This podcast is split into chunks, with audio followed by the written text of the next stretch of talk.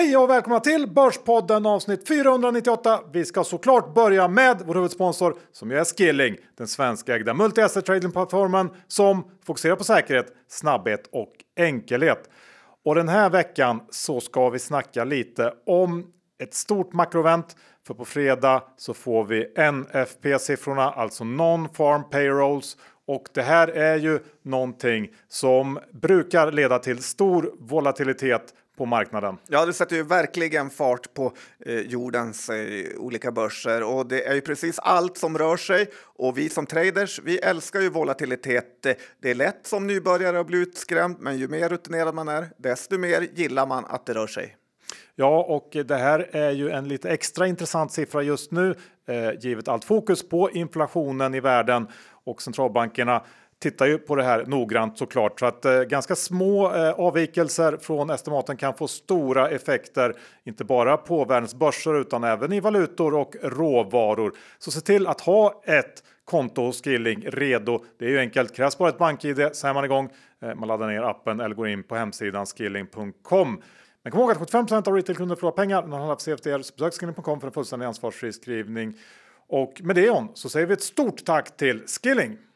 Så där John, och då är vi tillbaks här i den legendariska Börspodden-studion efter ett stärkande sportlov. Ja, det känns eh, väldigt kul att få börspodda lite igen och vi har ju samlat på oss en hel del eh, saker här som vi behöver gå igenom. Dessutom är det ju internationella kvinnodagen idag som vi kommer belysa lite grann. Ja, och det finns lite rapporter att prata om. Det finns dessutom massor av andra händelser. Ja, och det ska vi lära ut idag.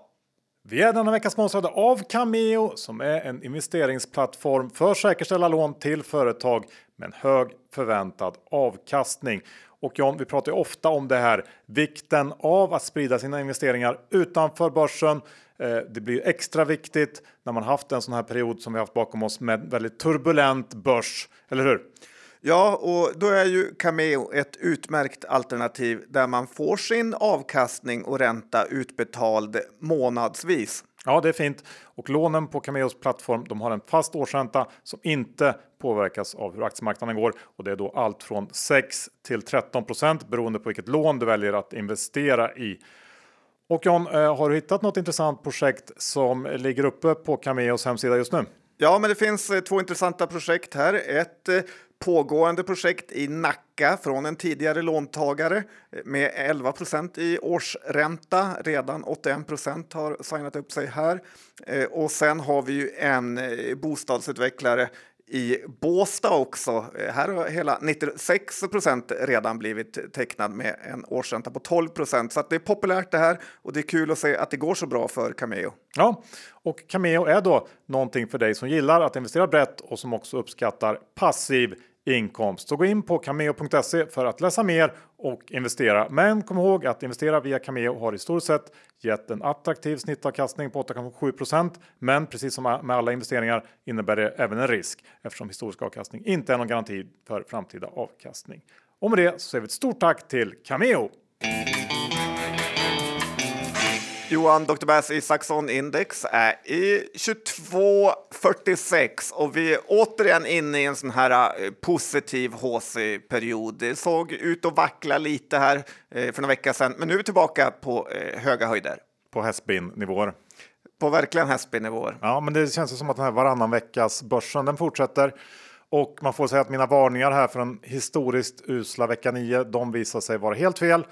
Eh, vi är ju inte jättelångt ifrån årshögsta efter den här starka veckan, men samtidigt så fortsätter det att trilla in en hel del makrodata som borde göra börsen i alla fall lite rädd eh, för att högre räntor är här för att stanna längre än väntat. Räntemarknaden har ju reagerat eh, med att handla upp räntorna. Sedan inledningen av februari såg jag att till exempel den amerikanska tioåringen har gått från 3,4% till nästan 4 och det är ju ändå en ganska rejäl rörelse som på något sätt tycker jag borde få aktiemarknaden att eh, lugna ner sig lite förr eller senare.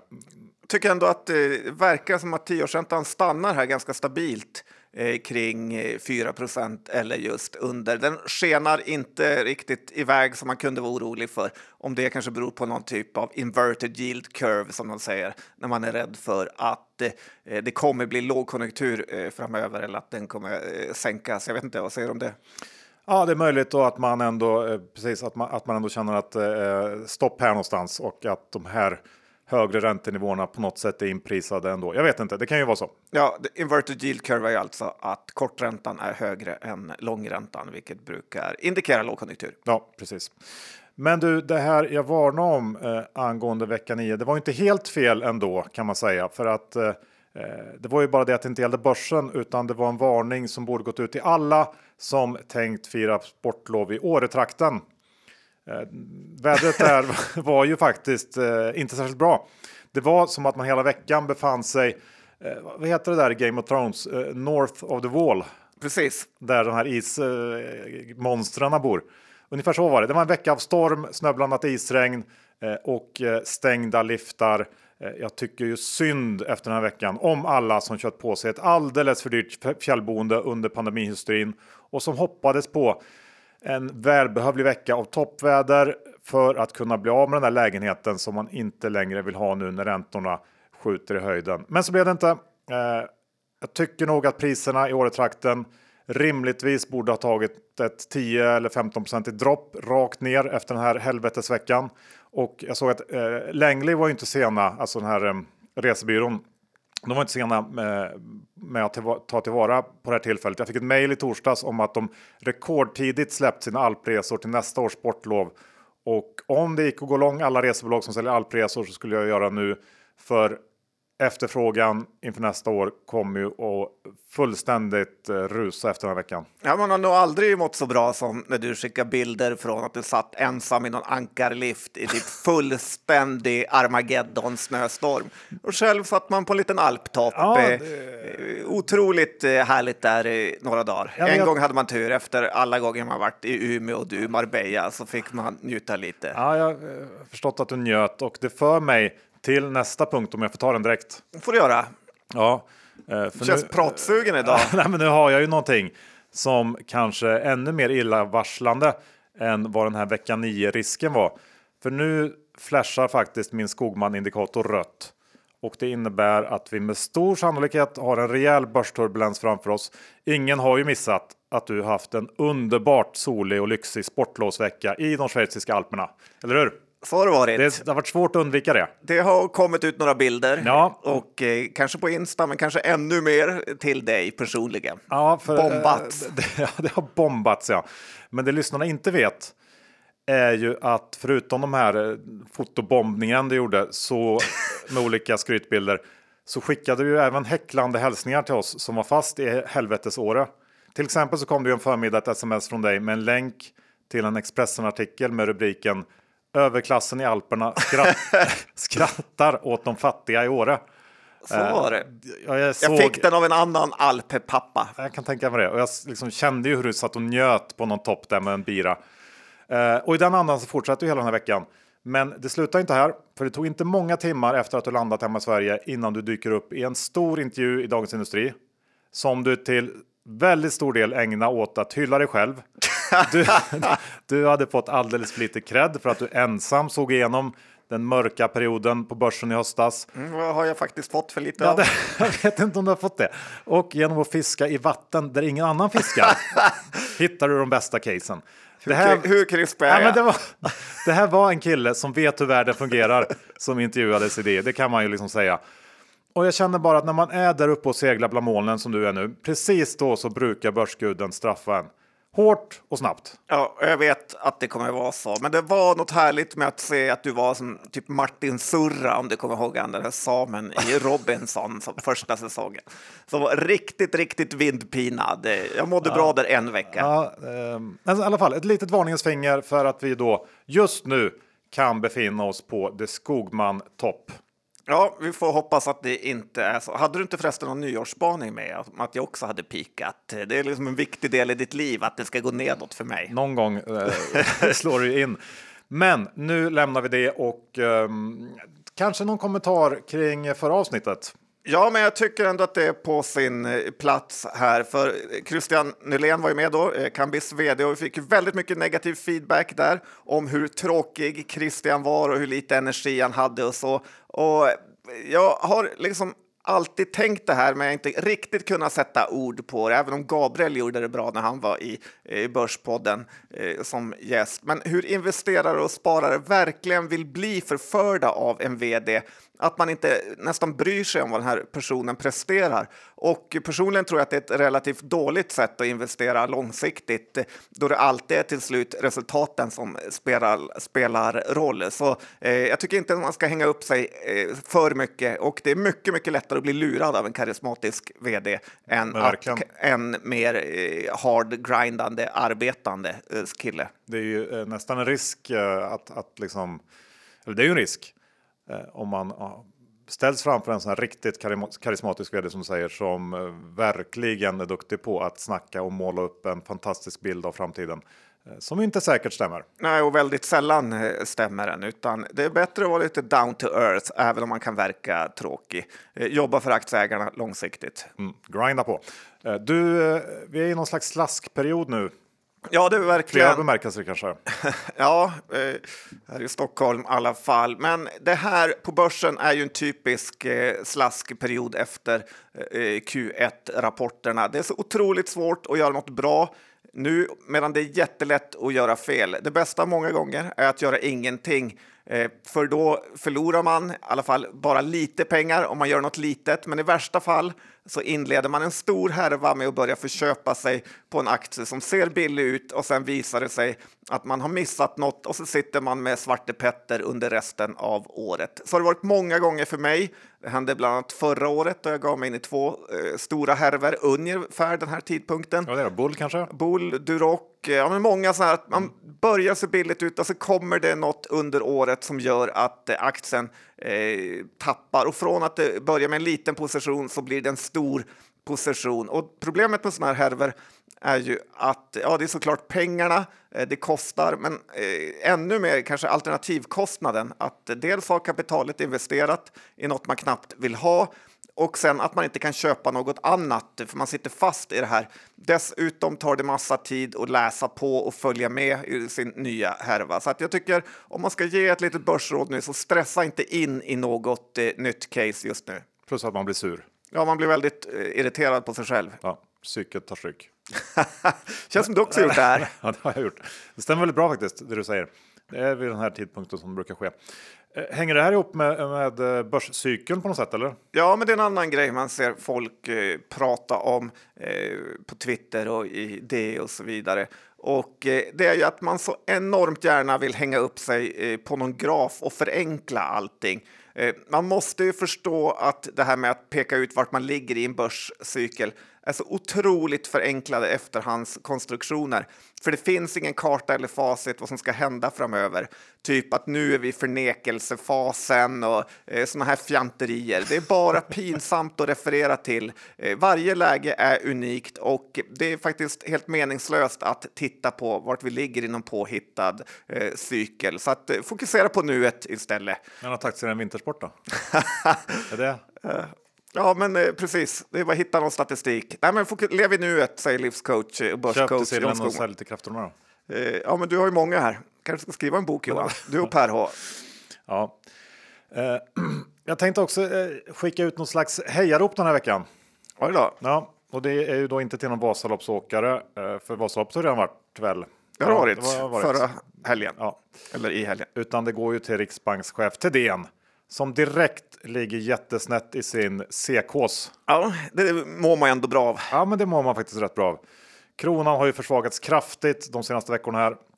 Och just nu känns det väl mer som att Thedéen blir mannen som till slut tvingar svenskarna att ta den här gråtstoppen rakt in i euron på liksom 15, 16, 17 spänn någonting. Ja, det är då vi får köpa in oss, ja. konvertera alla våra kronor. Det känns så nu.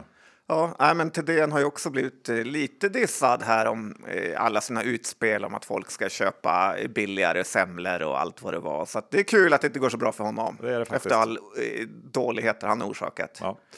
Eh, nu går vi över till någonting mycket roligare och trevligare. Det är ju den internationella kvinnodagen. Ja, och nu försöker svensk affärspress överträffa varandra i låtsas godhet så här en dag per år.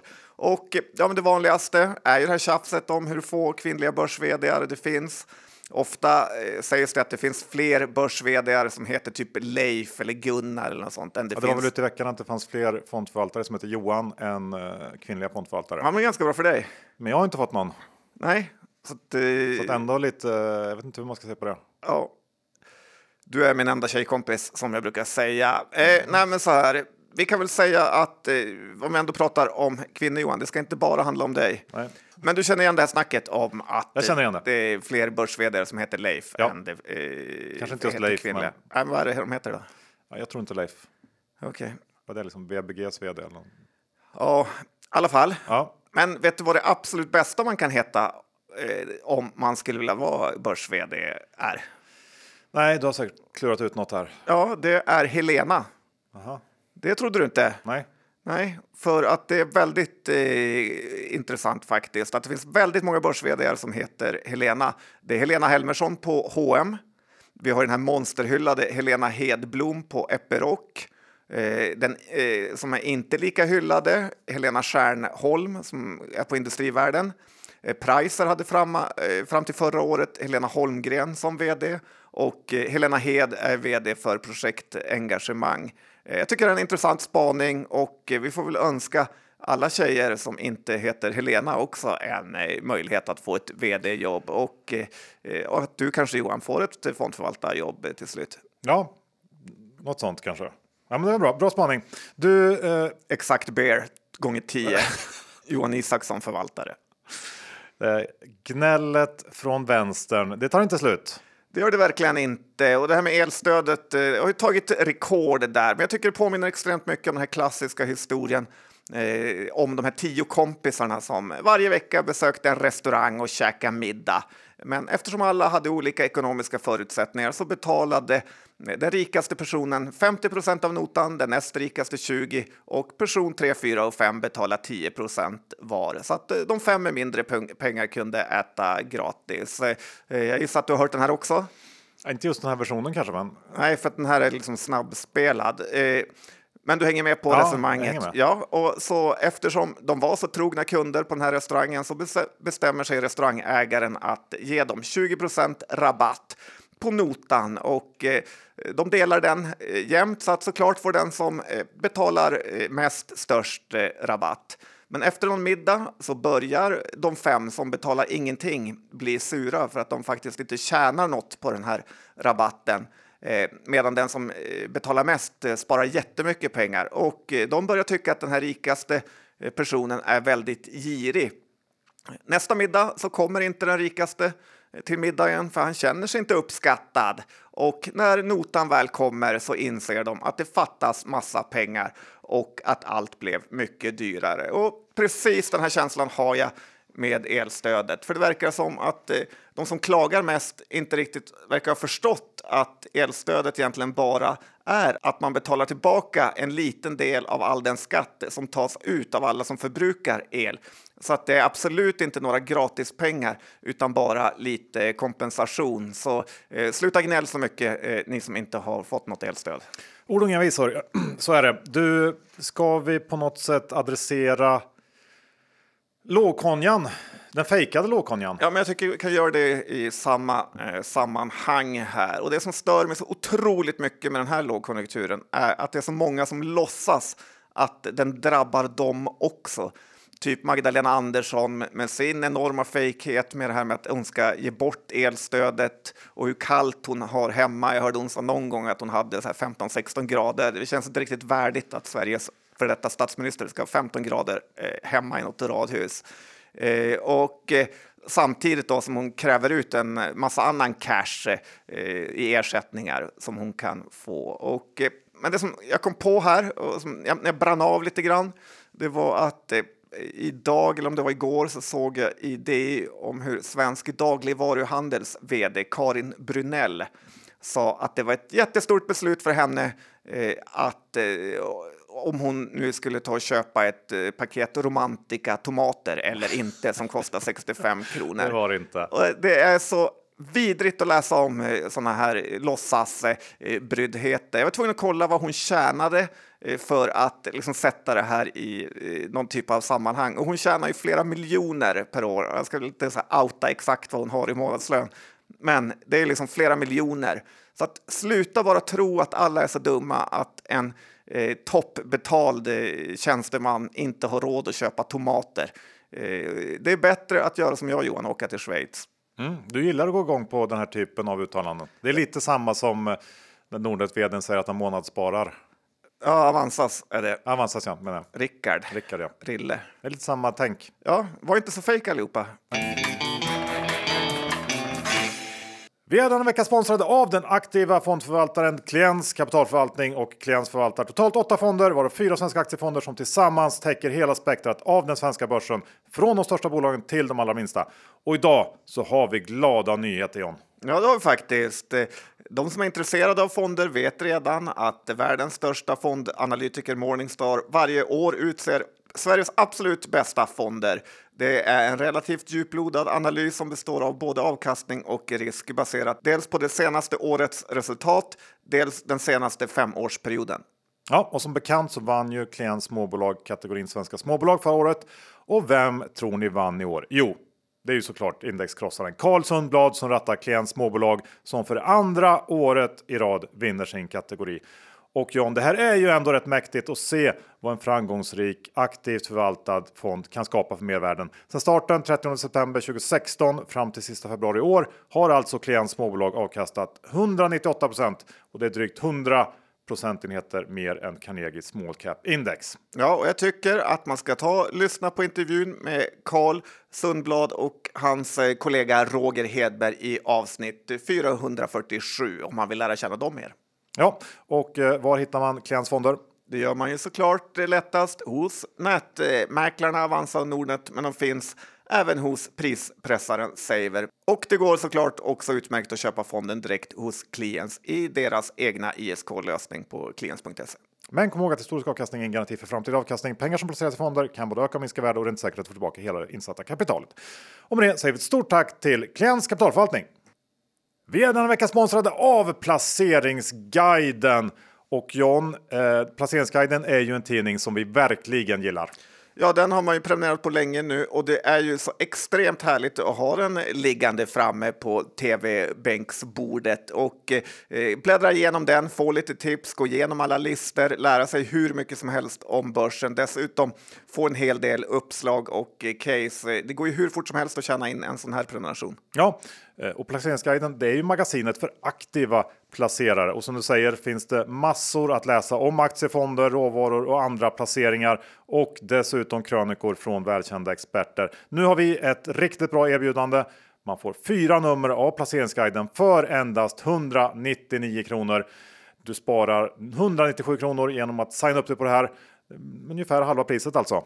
Ja, det är sinnessjukt bra. Mindre än 50 spänn per nummer. Det är som en kaffe. Ja, Dessutom så är det inga automatiska förnyelser utan den här prenumerationen den avslutas automatiskt. Det älskar man ju. Det älskar man. Så att eh, gå in på privataffärer.se snedstreck Borspodden mars. Alltså privataffärer.se snedstreck Borspodden mars i ett ord. Och läs mer om det här och signa upp er. Vi säger stort tack till Placeringsguiden.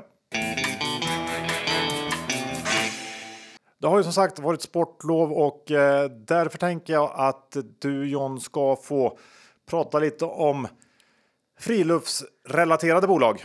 Ja, det låter kul just eftersom Thor Industries, eh, USAs husbilsföretag, levererade eh, sin rapport igår. Och det ja, var, den var dålig va? Ja, det var ett riktigt bottennapp till rapport. Den föll med 10% i förhanden, men sen stannar den väl Eh, nedgången då på ungefär bara 4 procent. Eh, här minskar man vinsten från förra året med nästan 90 procent.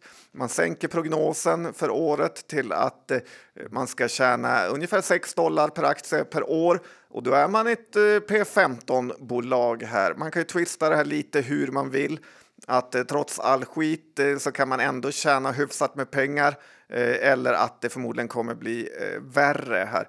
Eh, Stockholmsbörsen har ju faktiskt många av den här typen av bolag eh, noterade. Eh, Dometic föll med 3% på den här rapporten. Dometic gör ju mest tillbehör till husbilar och båtar. Precis, men Thor är väl en stor kund till Dometic antar jag? Ja, exakt. Och sen har vi ju även Kabe och eh, Nimbus. Eh, och det här är lite som analytikerna eh, säger, big ticket items, alltså väldigt eh, stora investeringar för konsumenten. Och jag har faktiskt lite svårt att förstå den här stora värderingsskillnaden mellan just Kabe och Nimbus. Då Kabe värderas nästan dubbelt så högt eh, eh trots att det är lite same same. Eller vad säger du, husbåt eller husbil? Ja, men jag tänker ändå Husbåt att... kanske inte är, det är mer stekarbåt. Ja, och att det är ju väl ändå betydligt högre driftskostnader förknippade med att åka runt i stora Nimbusbåtar på något sätt. Det känns mer lyxkonsumtion. Ja, men jag tycker det är intressant att Thor Industries ändå har så eh, relativt hög eh, värdering. Det här var ju ett eh, Dine på gamla goda, om du kommer ihåg den podden för mm. eh, flera år sedan. Så det är kul att de håller i eh, ändå, ger fin eh, avkastning på någon procent sådär. Så förmodligen är Thor Industries ett eh, hyfsat bra long case. De har ju funnits i evigheter med. Det har de gjort. Och nu ska vi prata om något helt annat John. Eh, jag tänker på det som har hänt i eh, spelbolaget EG7, Enad Global 7. Eh, det har ju varit eh, väldigt mycket action där sista veckorna. Ja, det har väl varit en sån favorit på eh, Twitter med. Ja, eh, och om vi ska liksom spåra tillbaka bandet så släppte ju EG7 e sin Q4 för två veckor sedan under då väldigt dramatiska former. Eh, om man ska ta lite bakgrund här så är ju det här ett bolag som precis som många andra i den här branschen steg kraftigt under pandemiåren pådrivet av massor av mer eller mindre lyckade förvärv. Aktien kraschar sen, men har under hösten här fått någon slags pånyttfödelse genom då ett väldigt oväntat uppsving för det gamla spelet My Singing Monsters som i samband med sitt 10-årsjubileum lyckades bli viralt på TikTok eh, av någon eh, outgrundlig anledning. Har du så, spelat det själv? Nej, men det finns ju. Uh... Jag har en kille på kontoret som sitter varje dag och spenderar några minuter för att känna känslan. Ja, exakt. Uh, och det liksom katapulterade upp det här spelet högt upp på alla sådana här listor. Uh, aktien har sedan dess varit en snackis bland småsparare på Twitter bland annat och det här blev ju inte mindre spännande när den amerikanska hedgefonden Alta Fox som ju har eh, ökänt god magkänsla. Vad känner vi igen Alta Fox från? Ja, det är väl en aggressiv hedgefond. De var ju eh, bland annat eh, in och tog en stor stek i Leo Vegas strax innan budet. Just det. Eh, och har, ja, har varit liksom duktiga på att ha bra timing helt enkelt om man, om man ska säga så. Så det var, det var intressant och um, de köpte en stor post på närmare 5% av bolaget här i början av februari och allt det här bidrog ju till väldigt mycket förväntningar inför rapporten. Många hade nog späckat ganska hårt på att rapporten skulle leda till en uppgång, men när den väl kom då så blev ju reaktionen den motsatta. Eh, det blev ett rejält ras trots då betydligt bättre resultat än vad alla analytiker hade räknat med.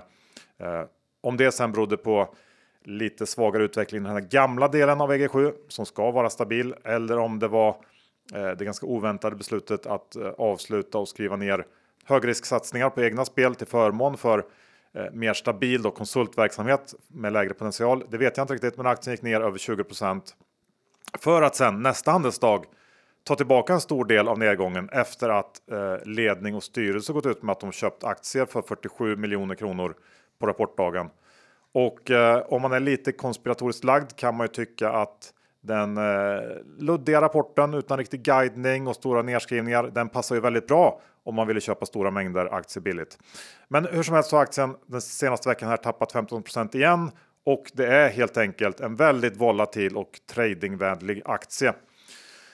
Har du handlat någonting? Ja, eh, dels eh, tillhörde jag de som hade ett litet rapportspäck innan på eh, några få aktier som kostar otroligt mycket. Så jag var i klassisk traderanda tvingad att köpa jättemycket mer och blev lite räddad av den här uppgången som Eh, Eh, kom dagen efter. Jag har gjort av mig med alla aktier och jag orkar inte ge mig in i den här typen av bolag eh, långsiktigt faktiskt. Jag tycker det är för svårt att eh, riktigt veta vart, vad som händer. Och sen är det massa rykten om de här ryssarna som kanske säljer som det pratas om. Jag vet inte, det är för svårt för mig. Men jag kan förstå båda sidor. Ja, men kollar man på estimaten nu så är ju här bolaget snor, snor billigt. De kommer tjäna jättemycket pengar, har en stor nettokassa nu. Ehm, jag tycker att det här strategiska skiftet mot mer stabilitet och förutsägbarhet är något positivt. Eh, och den stora drivaren här under Q4 som ju var det här spelet My Singing Monsters. Det kommer såklart att tappa från de här extrema nivåerna man såg under Q4. Det har väl redan gjort det, men uppsvinget i liksom spelarbas för det här spelet innebär ju ändå att man kommer att kunna tjäna eh, mycket mer pengar eh, under en lång period. Så att eh, det kommer ju ändå att lyfta bolaget.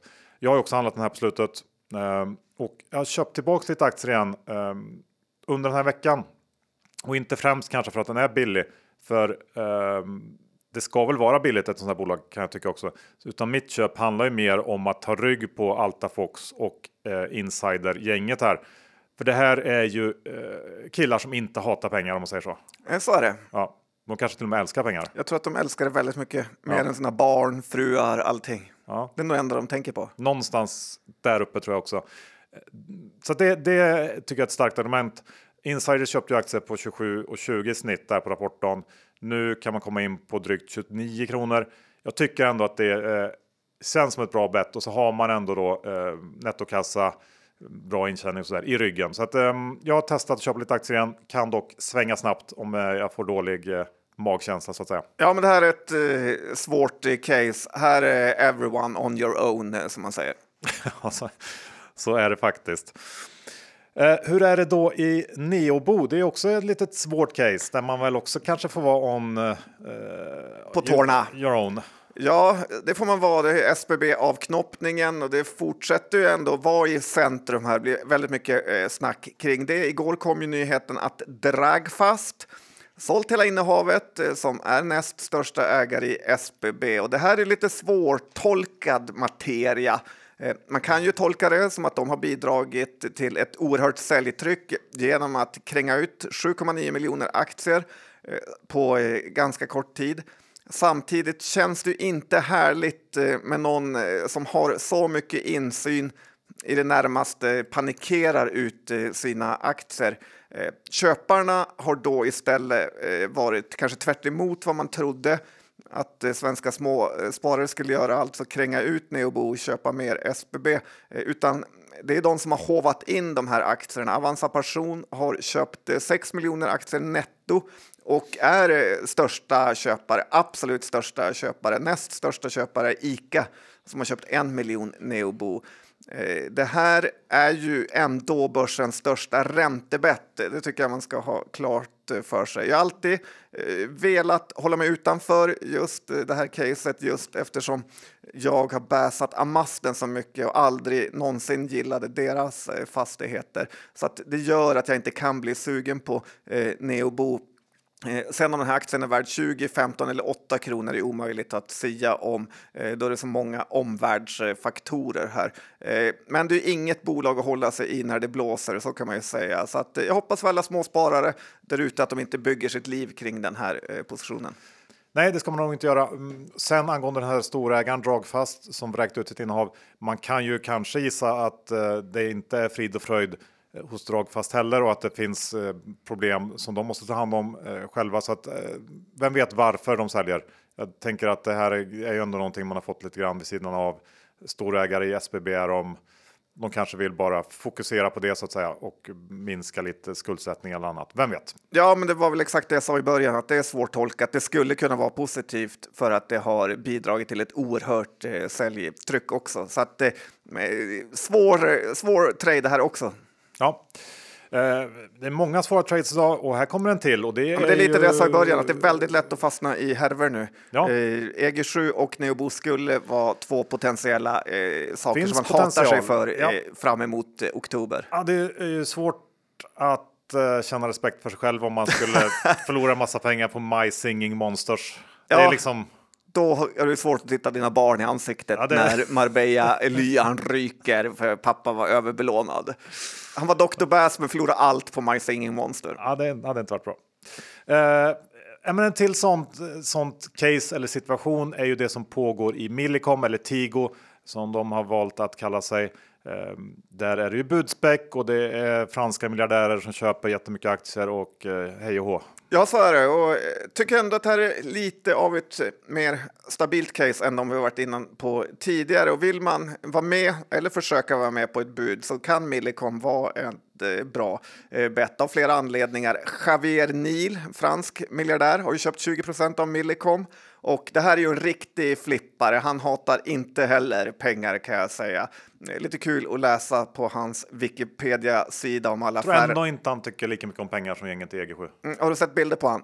Jag kan säga han tycker inte att det är tråkigt att sitta med en ung tjej, en drink och eh, några miljarder euro på bankkontot. Nej, nej. Eh, det är svårt att se stekigare ut än vad han eh, gör. Eh, men han är som sagt inte inne i Millicom för att det ska ligga i hans utdelningsportfölj. Och det stora problemet med Millicom har ju alltid varit den här oerhörda skuldsättningen som de har dragit på sig.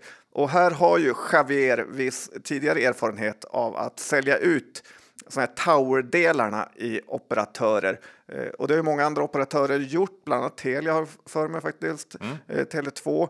Och då får man ju svinhöga värderingar eh, på det faktiskt för att det är så stabila intäkter. Och det skulle marknaden verkligen gilla, så att det är en positiv grej i Millicom.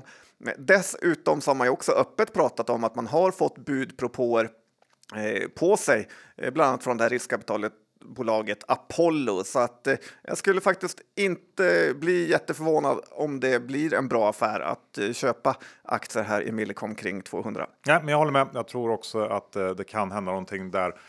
Och framförallt så är det positivt att det kanske kommer in någon riktig eh, ägare. Mm, det har ju varit lite ägarlöst nu ett bra tag egentligen.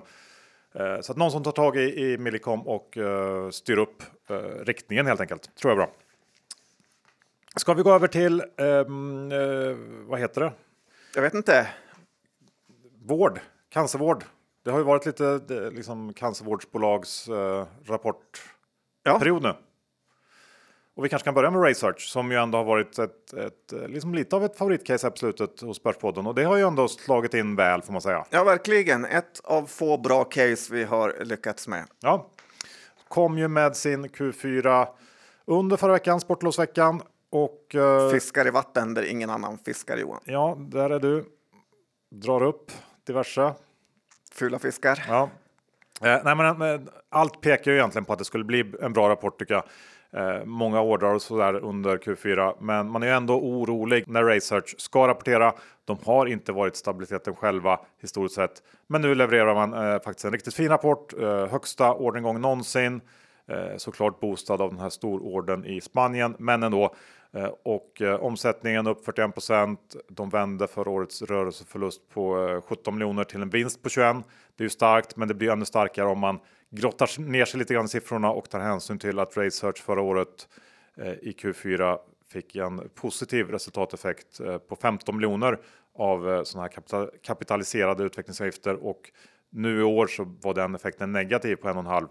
Eh, Så det ska man liksom justera för tycker jag. Alltså att de gjorde större avskrivningar. Ja, men precis. Diffen mellan kapitaliserade utvecklingsavgifter och avskrivningar var 15 då respektive minus en och en halv. Eh, Sen så drog faktiskt Research ner på antalet anställda under 2022. Jag tror det är första gången det har hänt i liksom bolagets historia. Eh, Det är väl en del av en mer kostnadsfokuserad approach. Är det Günther Mårder som är inne och spelar ett spratt med Johan Löv? Nej, Jag tror inte att han misstycker i alla fall till Nej. den utvecklingen. Och det är ju bra för att det, ja, jag tror att det behövs den typen av kostnadskontroll. Eh, Så att eh, det är bra. Ehm, Och kan då eh, Research fortsätta hålla i de här kostnaderna samtidigt som försäljningen tickar på, då kommer ju det ge en fin liksom, hävstångseffekt på resultatutvecklingen. Sen ska man ha med sig att 2022 var någon slags återhämtningsår för, för bolaget. Tillväxttakten kommer nog gå ner en hel del under 2023, men man sitter ändå på en rekordstor orderbok. Den är nästan på 2 miljarder. Eh, det tryggar på något sätt eh, basen om man säger så. Och om man får önska någonting litet mer nu av Research så är det ju att börja rapportera i alla fall en månad tidigare än vad de gör. Det finns liksom ingen anledning till att Research ska vara absolut sist ut i rapportperioden. Eh, eller hur? Nej, det är lite negativ kvalitetsstämpel att rapportera så sent för ändå ett eh, sånt eh, high-tech-bolag. Ja. Lyssnar du förresten på konfkollet? Ja, vad tror du? Nej. Helt rätt. Nej, eh, tycker att det kan vara värt att ta upp. Inte för att det var så intressant utan för att det var nog skulle jag tro rapportperiodens kortaste konf call.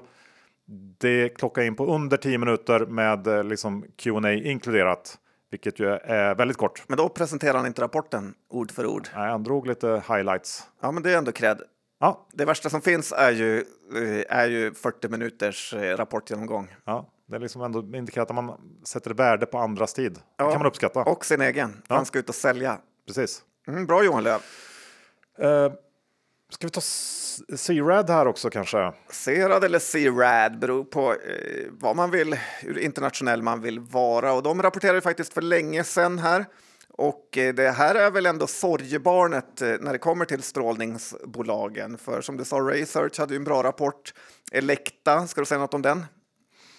Ja, eh, den var ju bra. Ja, precis. precis. Men vi kan ta C-Rad först. Då. Elekta var jättebra också, gått ännu bättre efter den rapporten trots att man har fått utdelning också. Eh, jag vet ju att Björn Rudell på Affärsvärlden gillat eh, C-Rad mycket, men det verkar som att han eh, kortsiktigt har kört bort sig lite här. Det är nog som att hans hat mot mig och mina aktier lite grann blockerar hans tankar, Johan. Det kan, kan vara någon sån. Såg du förresten vilken tid han fick på Vasaloppet? Nej, un- när du pratade om det i början här. Han körde Vasaloppet på under sju timmar ja, det är ju starkt. Så någonting har han faktiskt, imponerande.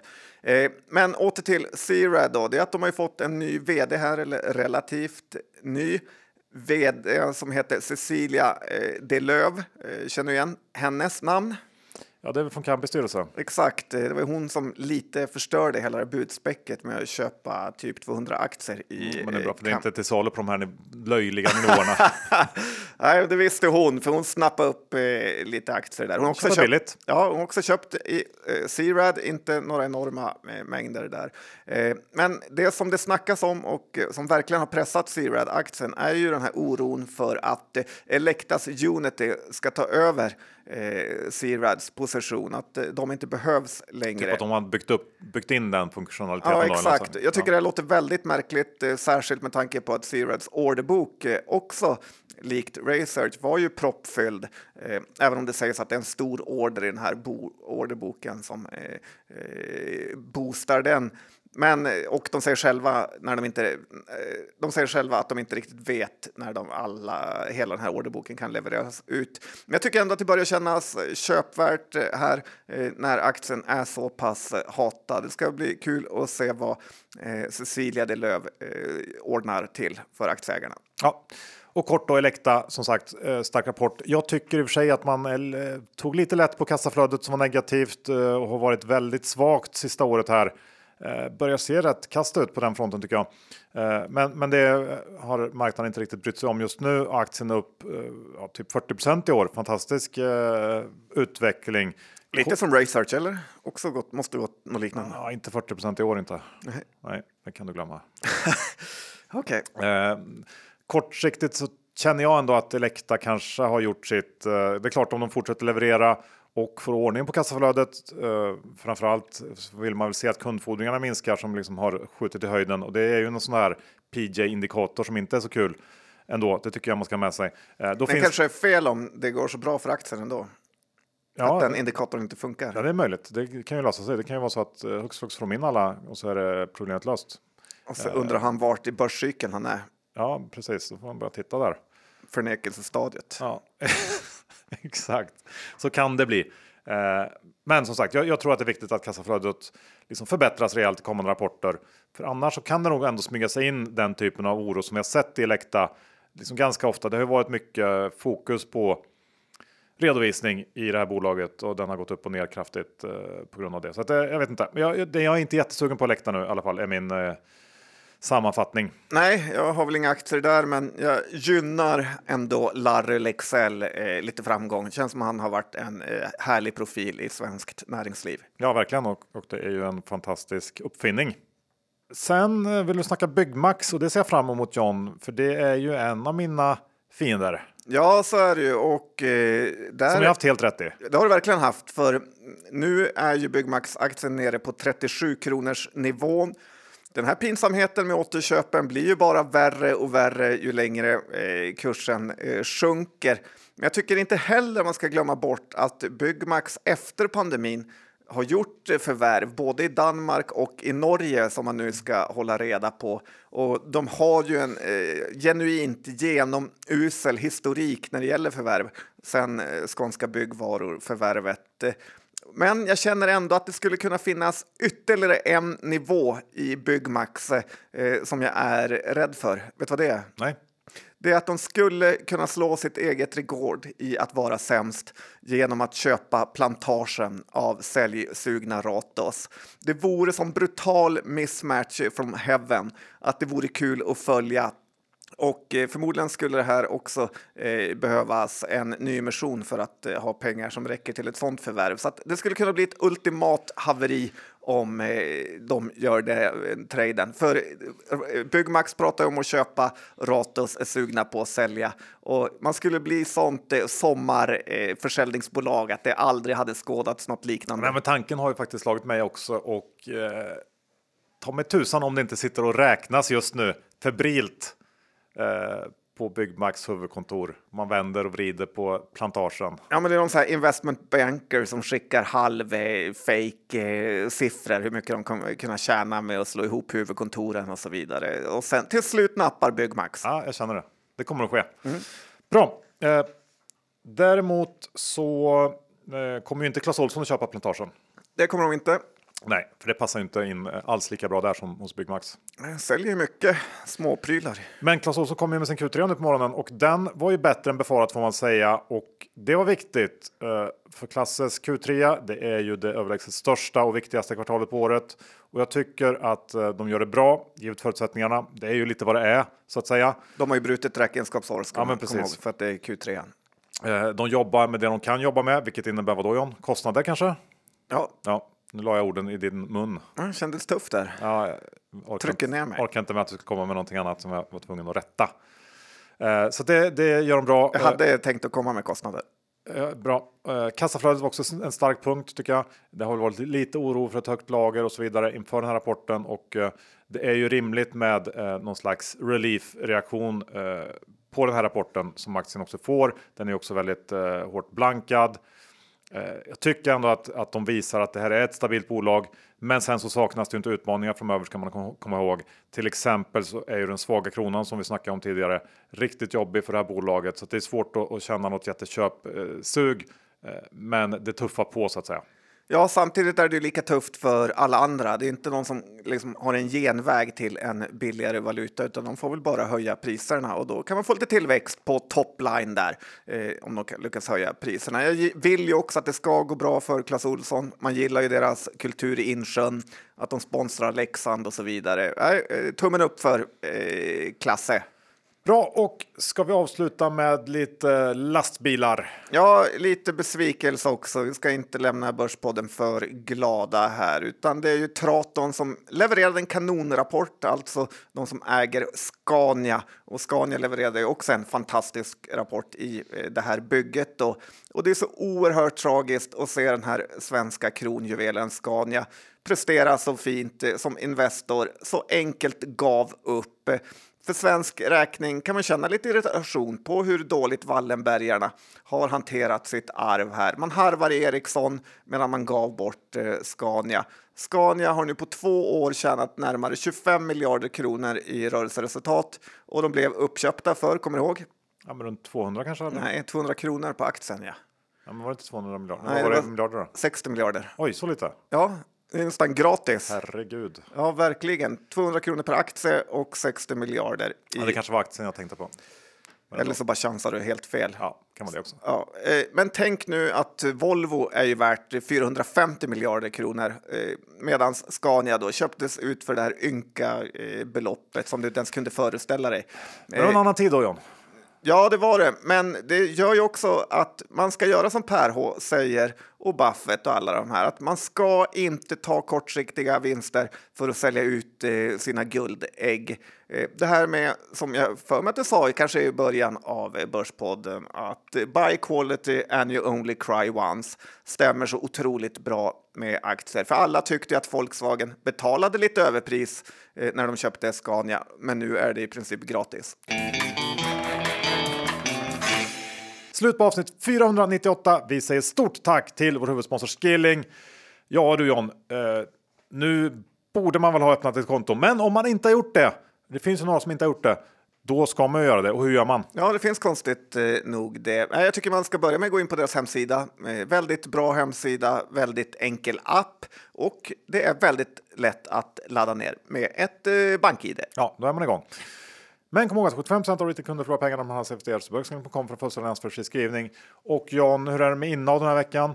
Eh, vi har pratat lite hit och dit. Eh, vi nämnde Kambi, det har vi såklart. Um, Research äger jag, det äger du, det äger... Serad har jag också, Börspodden-portföljen också, äger eh, Research. De spunna, ja. Och hur är det också med de här små härliga sjungande monstren, EG7, uh, det äger jag lite aktier i. Mm, ja. Det har jag ingenting i. Men lite sugen är du? Nej.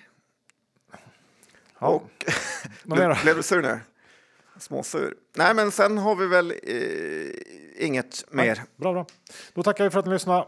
Vi hörs nästa onsdag igen. Ha det fint. Hej då! Ha det bra. Hej då!